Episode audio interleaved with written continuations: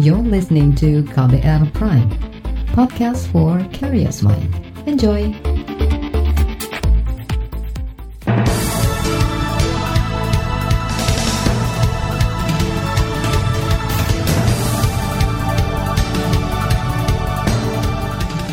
Selamat pagi saudara, senang sekali kami bisa menjumpai Anda kembali melalui program Buletin Pagi. Edisi hari ini Rabu 14 Oktober 2020 bersama saya Agus Lukman. Sejumlah informasi pilihan telah kami siapkan untuk Anda, di antaranya berbagai pihak terus mendesak Presiden untuk mengeluarkan Perpu Cipta Kerja. Bank Indonesia mempertahankan suku bunga acuan 4 persen. Pemerintah Balikpapan mencabut aturan jam malam. Inilah Buletin Pagi selengkapnya terbaru di Buletin Pagi. Saudara, berbagai kalangan terus mendesakkan tuntutan ke Presiden Joko Widodo agar menerbitkan peraturan pemerintah pengganti undang-undang atau Perpu untuk membatalkan Undang-Undang Cipta Kerja. Desakan antara lain datang dari kelompok buruh.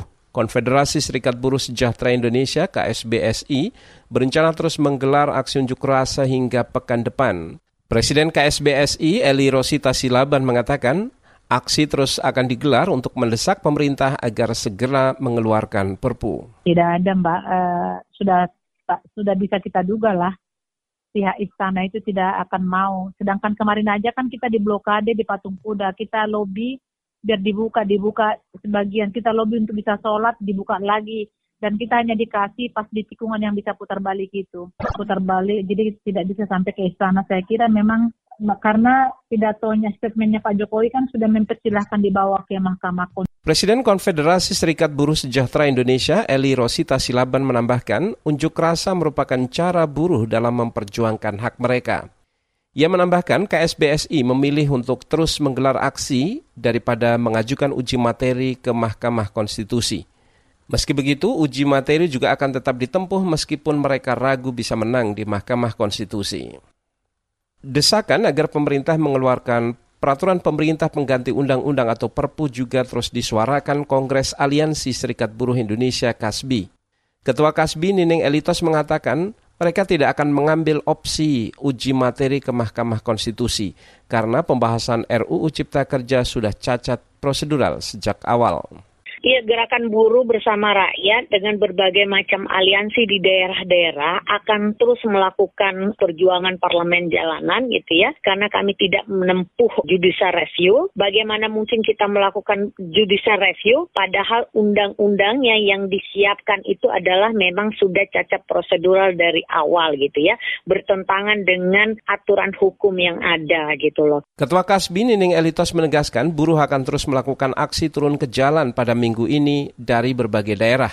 Aksi bahkan akan terus digelar sampai peringatan satu tahun pelantikan Presiden Joko Widodo periode kedua pada 20 Oktober mendatang.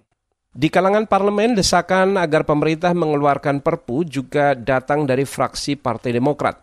Anggota fraksi Demokrat di DPR Irwan Veko mengatakan situasi saat ini sudah mendesak dan Presiden diminta menggunakan kewenangan tertingginya untuk mengeluarkan perpu. Iya kan Presiden keluarin perpu dong. Hmm. Ngapain lagi dibenturin masyarakat disuruh ke MK? Kalau tugas Presiden apa? Sementara tugas dan wewenang itu ada kok. Presiden kan bisa melihat ini sebuah kegentingan memaksa dan saya pikir udah hentikan ya apa namanya kekecauan ini baik kekecauan proses konstitusi dalam hal ini prosedur undang-undang kita kerja ini juga cuma di bawah ini lagi pandemi COVID loh. Anggota fraksi Demokrat di DPR Irwan Veko menjelaskan selama proses pembahasan di DPR Undang-Undang Cipta Kerja cacat prosedur. Demokrat menilai sudah saatnya Presiden mendengarkan rakyat dengan mengeluarkan peraturan pemerintah pengganti undang-undang. Namun desakan masyarakat tersebut dia tanggapi dingin oleh istana. Tenaga ahli utama dari kantor staf presiden, Doni Grahal Adian mengatakan, pemerintah hanya akan melayani jika masyarakat mengajukan uji materi Undang-Undang Cipta Kerja ke Mahkamah Konstitusi. Bagi mereka yang keberatan, jalan yang bisa ditempuh adalah jalan Mahkamah Konstitusi. Di situ kita beradu argumentasi antara e, pemerintah dengan mereka-mereka yang menolak. Jadi biarkan hakim-hakim MK yang memutuskan nanti apakah memang pasal itu bermasalah uh, tidak. Jadi kita harus kembalikan lagi pada mekanisme konstitusional yaitu judicial review. Artinya eh, perbincangan mengenai Perpu sebenarnya apa namanya sudah tidak diperlukan lagi saat ini. Tenaga ahli utama dari kantor staf presiden Doni Grahal Adian menambahkan, kalangan buruh seperti diwakili oleh Presiden Konfederasi Serikat Pekerja Indonesia KSPI Said Iqbal juga sudah sepakat tidak lagi mendorong perpu, melainkan akan mengajukan uji materi ke MK. Doni juga mengatakan saat ini tidak ada kepentingan yang memaksa sehingga perlu dibuat perpu cipta kerja. Di lain pihak, saudara ahli hukum tata negara Refli Harun menyarankan pemerintah untuk menunda pelaksanaan undang-undang cipta kerja selama setengah tahun hingga satu tahun. Tujuannya untuk mengatasi konflik yang saat ini terjadi. Refli mengatakan penundaan bisa dilakukan menggunakan perpu. Menurut Refli, selama masa penundaan, pemerintah bisa memanfaatkan waktu untuk membuka partisipasi dari publik. Apa kita pecah undang-undang itu agar tidak terlalu banyak seperti sekarang ini yang menyebabkan kita semua tak seorang pun bisa mengerti secara penuh apa yang ditulis di dalam undang-undang omnibus law itu. Jadi era sekalian, itu adalah jalan keluar yang menurut saya jauh lebih mudah dan menyelesaikan masalah. Tidak akan ada lagi protes yang macam-macam, termasuk juga imajinasi misalnya tiba-tiba ada kelompok-kelompok masyarakat yang menginginkan dengan kejadian ini presiden bisa jatuh misalnya. Itu tadi ahli hukum tata negara Refli Harun. Sementara pakar hukum tata negara lainnya, Bivitri Susanti menilai saat ini sudah terpenuhi kondisi kegentingan yang memaksa yang menjadi syarat dikeluarkannya Perpu. Ia juga khawatir jika permohonan uji materi Undang-Undang Cipta Kerja mentah di tangan Hakim Mahkamah Konstitusi karena dianggap tidak lagi independen. Apalagi baru-baru ini DPR mengesahkan revisi Undang-Undang Mahkamah Konstitusi yang memperpanjang masa jabatan para hakim MK. Badan Intelijen Negara BIN menyerahkan daftar nama yang diduga sebagai dalang demonstrasi menolak Omnibus Cipta Kerja ke kepolisian. Informasi selengkapnya hadir usai jeda tetaplah di Buletin Pagi. You're listening to KBR Pride, podcast for curious mind. Enjoy!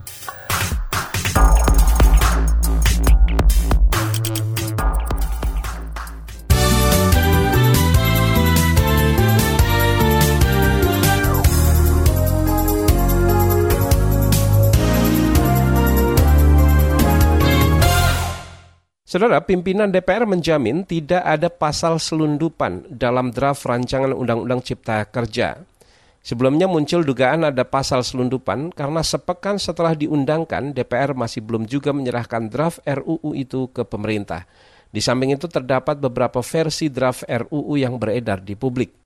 Wakil Ketua DPR Aziz Samsudin mengatakan ada perbedaan tebal halaman dalam RUU itu karena naskah harus dirapikan sebelum diserahkan ke pemerintah. Karena apa? Itu merupakan tindak pidana apabila ada selundupan pasal. Berkaitan dengan keterangan Bapak Sekjen bahwa kemarin ada 1032 halaman, kenapa hari ini 802 halaman? Bahwa 1032 itu kan rumors yang berkembang pertama. Kemudian pada saat pengetikan draft final untuk menjadi lampiran sesuai ketentuan Undang-Undang Nomor 2 Tahun 2011 yang akan dikirim ke pemerintah itu harus menggunakan legal paper secara resmi. Sehingga proses pengetikannya adanya di pihak kesekjenan. Wakil Ketua DPR Aziz Samsudin mengatakan setelah naskah rancangan Undang-Undang Cipta Kerja dirapikan oleh Sekretariat DPR, draft RUU itu memiliki 812 halaman termasuk penjelasannya.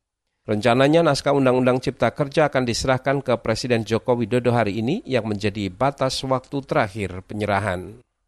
Beralih ke informasi lain, Badan Intelijen Negara BIN mengklaim telah menindaklanjuti dugaan adanya penunggang gelap dalam aksi demonstrasi menolak pengesahan RUU Cipta Kerja. Juru bicara Kepala Badan Intelijen Negara BIN, Wawan Purwanto mengatakan, BIN telah menyerahkan sejumlah nama kepada kepolisian untuk penyelidikan. Juru bicara Kepala BIN, Wawan Purwanto menambahkan, dari nama-nama yang telah diserahkan ke kepolisian, di antaranya merupakan orang-orang yang dikenal oleh publik, Meski begitu, Wawan tidak mau membeberkan nama-nama yang dia maksud. Sebelumnya, sejumlah menteri termasuk Menteri Pertahanan Prabowo Subianto menuding ada dalang di balik aksi demonstrasi yang berujung rusuh pekan lalu. Prabowo juga menyebut ada pihak asing yang mendanai aksi tersebut. Badan Reserse Mabes Polri menangkap delapan orang terkait demonstrasi menolak pengesahan Undang-Undang Cipta Kerja. Penangkapan terjadi di Medan, Sumatera Utara dan Jakarta dalam sepekan terakhir. Juru bicara Mabes Polri Awi Setiono mengatakan dari delapan orang itu, lima orang ditetapkan sebagai tersangka dugaan pelanggaran Undang-Undang Informasi dan Transaksi Elektronik. Mereka diduga menyebarkan informasi yang menimbulkan rasa kebencian atau permusuhan saat berdemonstrasi. Yang sudah satu kali 24 jam sudah menjadi tersangka, tapi yang masih belum masih proses pemeriksaan hari ini. Karena ada juga yang satu orang tidak mau diperiksa menunggu pengacaranya. Ya kita tunggu. Yang di Medan sudah semuanya sudah ditahan dan semua ditarik untuk pemeriksaannya di Baris Krim Mabes Polri. Juru bicara Mabes Polri Awi Setiono menjelaskan dari delapan orang yang ditangkap itu ada anggota koalisi aksi menyelamatkan Indonesia atau KAMI. Sebelumnya polisi menangkap tokoh kami Syahganda Nainggolan serta Anton Permana. Anton merupakan deklarator koalisi aksi menyelamatkan Indonesia organisasi yang didirikan oleh Din Syamsuddin. Beralih ke informasi ekonomi, Bank Indonesia mempertahankan suku bunga acuan atau BI 7 Days Reverse Repo Rate sebesar 4 persen. Gubernur Bank Indonesia Peri Warjio mengatakan keputusan itu didasarkan pada perlunya menjaga stabilitas nilai tukar rupiah di tengah inflasi yang diperkirakan akan tetap rendah. Memutuskan untuk mempertahankan BI 7D reverse repo rate sebesar 4 persen. Suku bunga deposit facility juga tetap sebesar 3,25 persen dan suku bunga lending facility juga tetap sebesar 4,75 persen. Gubernur Bank Indonesia Peri Warjio menambahkan Bank Indonesia akan terus menempuh langkah-langkah kebijakan lanjutan yang diperlukan untuk mempercepat program pemulihan ekonomi nasional. Di antaranya dengan mencermati dinamika perekonomian dan pasar keulangan global, serta penyebaran COVID-19 dan dampaknya terhadap perekonomian Indonesia. Kita ke mancanegara, pemimpin oposisi Malaysia Anwar Ibrahim mendesak Perdana Menteri Muhyiddin Yassin untuk mengundurkan diri dari pemerintahan. Desakan itu disampaikan Anwar usai bertemu dengan Raja Malaysia pada Selasa kemarin. Anwar Ibrahim menyebut Muhyiddin Yassin sudah kehilangan dukungan mayoritas anggota parlemen. Mengutip Reuters, Anwar mengklaim telah menyerahkan dokumen ke Raja Malaysia. Dokumen itu berisi daftar nama anggota parlemen yang mendukungnya untuk membentuk pemerintahan baru. Namun pernyataan berbeda datang dari istana. Pihak Istana Negara Malaysia menyebut Anwar Ibrahim tidak menyerahkan dokumen yang berisi nama-nama anggota parlemen. Anwar hanya menyebut jumlah anggota parlemen yang diklaim memberikan dukungan sebanyak lebih dari 120 orang. Kita ke informasi olahraga. Kompetisi sepak bola Liga 1 tahun 2020 akan resmi dilanjutkan pada 1 November mendatang. Keputusan itu diambil dalam rapat luar biasa yang melibatkan PSSI, klub sepak bola, dan PT, PT Liga Indonesia Baru di Yogyakarta kemarin. Direktur Utama PT Liga Indonesia Baru, Hadian Lukita, mengatakan klub-klub peserta Liga 1 memiliki alasan khusus agar kompetisi tetap digelar dan diselesaikan di tengah pandemi virus corona. Sebelumnya Liga 1 tahun 2020 berhenti saat kompetisi baru memasuki pekan ketiga. Saat itu Persib Bandung berada di puncak klasemen sementara dengan nilai 9, unggul 3 angka dari Bali United yang berada di peringkat kedua. Laporan khas KBR mengenai suka duka petugas pelacakan COVID-19 akan kami hadirkan usai jeda berikut tetaplah di Buletin Pagi KBR.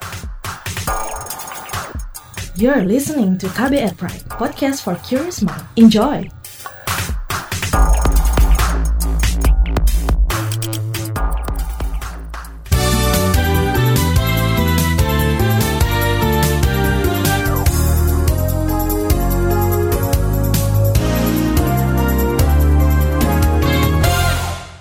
Anda masih bersama kami di Buletin Pagi KBR. Istilah 3T atau testing, tracing, dan treatment selalu disebut sebagai kunci utama memutus mata rantai penyebaran COVID-19. Dari tiga hal itu, tracing atau upaya pelacakan jarang mendapat perhatian. Padahal pelaksanaannya di lapangan banyak menemui rintangan. Jurnalis KBR Valda Kustarini berbincang dengan salah satu petugas tracing dan berikut kisahnya. Pengusiran dan sebagainya dan ada kata-kata yang provokasi. Saban turun ke lapangan, Nur Subagio harus bersiap dengan segala kemungkinan yang terjadi. Subagio tergabung dalam tim penelusuran kontak atau tracing COVID-19 di dua provinsi, yakni Yogyakarta dan Jawa Tengah. Satu tim biasanya terdiri dari lima orang petugas medis. Ia menjelaskan bagaimana alur prosedur tracing yang selama ini berjalan. Kasus ya Mbak ya, dirawat di rumah sakit, itu ada laporannya W1 ke Dinas Kesehatan. Nah, akhirnya dari Dinkes, tim kami juga akan mewawancarai kasus yang ada. Kemudian diidentifikasi kontak eratnya siapa saja sih. Dapatkan data kontak erat, kita hubungi yang kita duga sebagai kontak erat yang harus kita lakukan tracing. Berbulan-bulan melacak kontak erat pasien corona, ia sudah kenyang dengan berbagai penolakan dari warga. Ia mencontohkan kejadian saat menyisir suspek COVID-19 di pasar tradisional beberapa waktu lalu. Misalnya seperti kemarin waktu kita ke salah satu pasar tradisional di Jawa Tengah, itu alasan mereka takut kalau pasar tradisional tersebut akhirnya di lockdown. Konsumsi informasi salah, akhirnya terjadi kesalahan masyarakat untuk mensikapi terhadap penyakit COVID-19 ini. Masih kentalnya stigma dan maraknya hoax COVID-19 menjadi sumber penolakan warga. Epidemiolog dari Balai Besar Teknik Kesehatan Lingkungan dan Pengendalian Penyakit ini harus mencari cara untuk meredam resistensi. Biasanya, tim akan berdialog dengan orang-orang kunci atau tokoh masyarakat. Ya, sebagai contoh kemarin pas saat di pasar tradisional di Jawa Tengah, itu kita akhirnya mendekati pengurus paguyuban pasarnya. Kita istilahnya menampung aspirasi mereka. Namun, tak sedikit juga warga yang suportif dan kooperatif saat didatangi Subagio dan tim. Faktor penentunya ada pada pemahaman mengenai pentingnya penelusuran kontak untuk memutus rantai penularan virus corona. Ia juga memuji sikap sebagian komunitas warga yang sudi proaktif membantu tetangga yang positif COVID-19. Ada beberapa responden yang hendak kita tracing, sangat welcome. Kita lihat bahwa di Jawa Tengah ada sistem namanya Jogo Tonggo ya Mbak ya. Dari pihak Pemda setempat memberikan istilahnya bantuan ya. Dan masyarakat berusaha untuk menjaga jangan sampai diasingkan. Selain penolakan warga, upaya tracing kerap terhambat oleh keterbatasan SDM. Di awal pandemi, laboratorium tempat Subagio bekerja sempat kesulitan melakukan pemeriksaan spesimen karena kelangkaan reagen. Akibatnya, terjadi penumpukan yang menyebabkan hasil tes lama keluar. Ujungnya, kondisi ini memperlambat upaya tracing. Sekarang sudah mulai agak enak, sudah istilahnya beban pemesan sampel spesimen yang masuk ke kantor kami sudah nggak overload. Tapi di salah satu sisi kita juga ada keterbatasan SDM ya. Sebagai contoh mudah aja di setiap puskesmas itu tenaga yang dilatih untuk swab itu rata-rata paling sekitar satu atau dua.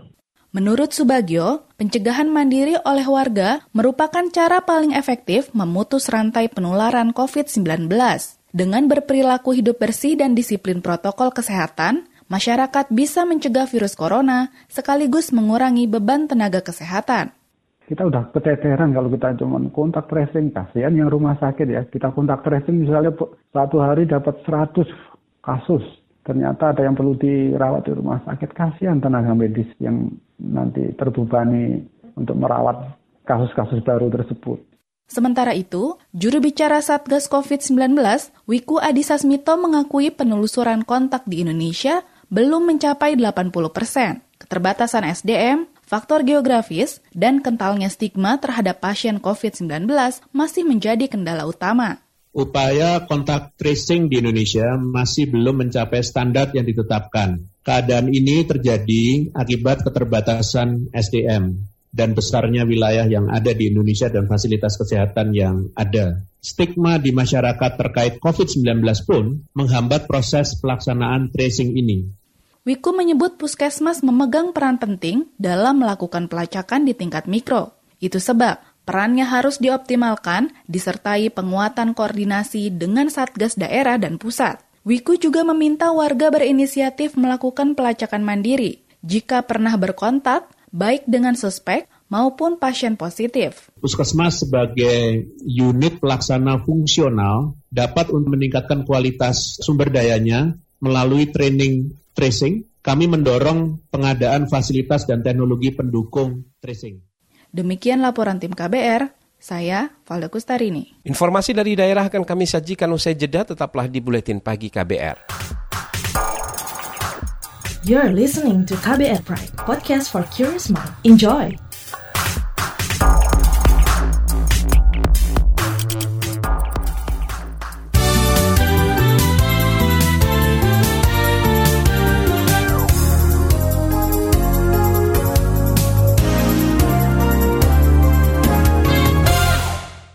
Inilah bagian akhir buletin pagi. Kita ke Jawa Tengah. Perhimpunan Bantuan Hukum dan Hak Asasi Manusia PBHI Jawa Tengah mencatat ada 300-an demonstran menjadi korban pelanggaran hak asasi manusia pada saat berunjuk rasa menolak Undang-Undang Cipta Kerja pekan lalu. Ketua PBHI Jawa Tengah Kahar Mualam Syah mengatakan kepolisian menjadi pelaku tindakan represif terhadap demonstran pada saat mengamankan aksi unjuk rasa. Di Solo ada yang di Brebes Pekalongan itu kan banyak kan juga ratusan semua. Kalau total ya lebih lah dari 300 orang di Jawa Tengah itu udah. Karena di Semarang sendiri ada 260 orang yang ditangkap pada saat itu. Walaupun akhirnya malamnya itu dilepaskan yang dipukuli juga ketika ditanyain dan seterusnya. Karena banyak laporan yang datang ke kita seperti itu situasinya.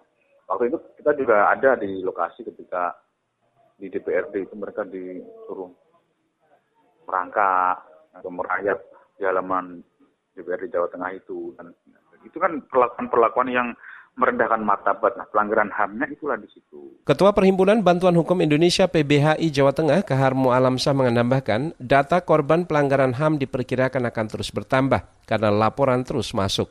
Kasus pelanggaran HAM di antaranya berupa pengeroyokan, pemukulan, kekerasan secara verbal, dan penembakan gas air mata ke arah masa. Kita ke Kalimantan Timur, pemerintah kota Balikpapan mencabut pemberlakuan jam malam mulai malam tadi. Wali Kota Balikpapan Rizal Effendi mengatakan masyarakat diperbolehkan kembali beraktivitas maupun berbisnis di atas pukul 22 waktu Indonesia bagian tengah. Namun ia mengingatkan masyarakat agar tetap menerapkan protokol kesehatan. Wali Kota Balikpapan Rizal Effendi mengatakan jam malam dicabut karena grafik penularan COVID-19 di wilayah itu sudah mulai menurun. Rizal menegaskan tempat hiburan malam masih belum diperbolehkan beroperasi. Bergeser ke Papua, organisasi Dewan Gereja Papua tidak puas dengan tim gabungan pencari fakta TGPF yang dibentuk pemerintah pusat untuk mengusut kasus penembakan seorang pendeta di Kabupaten Intan Jaya. Pendeta Yeremias Zanambani tewas tertembak pada pertengahan September lalu. Ketua Sinode Gereja Injil Papua Andri Kusmofu mengatakan Dewan Gereja mendesak pemerintah membentuk tim independen untuk mengusut kasus tersebut. Andrikus mengatakan selama ini belum pernah ada kasus penembakan di Papua yang bisa diungkap oleh tim bentukan pemerintah. Dari pengalaman-pengalaman sebelumnya, maka kami sampaikan bahwa kami sangat ragu dan tidak yakin. Tim uh, pencari fakta yang bentuk dan sedang bekerja ini akan menghasilkan sesuatu yang valid atau juga bisa dapat dipertanggungjawabkan. Kami juga mendorong nah, supaya selain uh, tim pencari fakta yang sudah dibentuk oleh negara, tim lain yang secara independen juga harus, harus melakukan apa uh, pencarian fakta. Ketua Sinode Gereja Injil GKI Papua Andrikus Mofun menambahkan, Dewan Gereja Papua juga menolak TGPF bentukan pemerintah. Karena TGPF dianggap tidak independen, anggotanya didominasi orang-orang dari lembaga negara. Sebelumnya panitia khusus yang dibentuk DPRD Papua menyimpulkan pelaku penembakan pendeta di Intan Jaya adalah prajurit TNI. Informasi tadi menutup jumpa kita di Buletin Pagi hari ini. Pantau juga informasi terbaru melalui kabar baru, situs kbr.id, Twitter di akun @beritaKBR, serta podcast di alamat kbrprime.id. Akhirnya saya Agus Lukman, kami undur diri. Salam.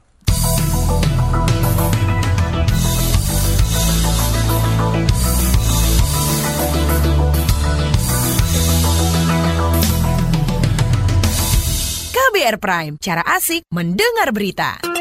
KBR Prime, podcast for curious mind.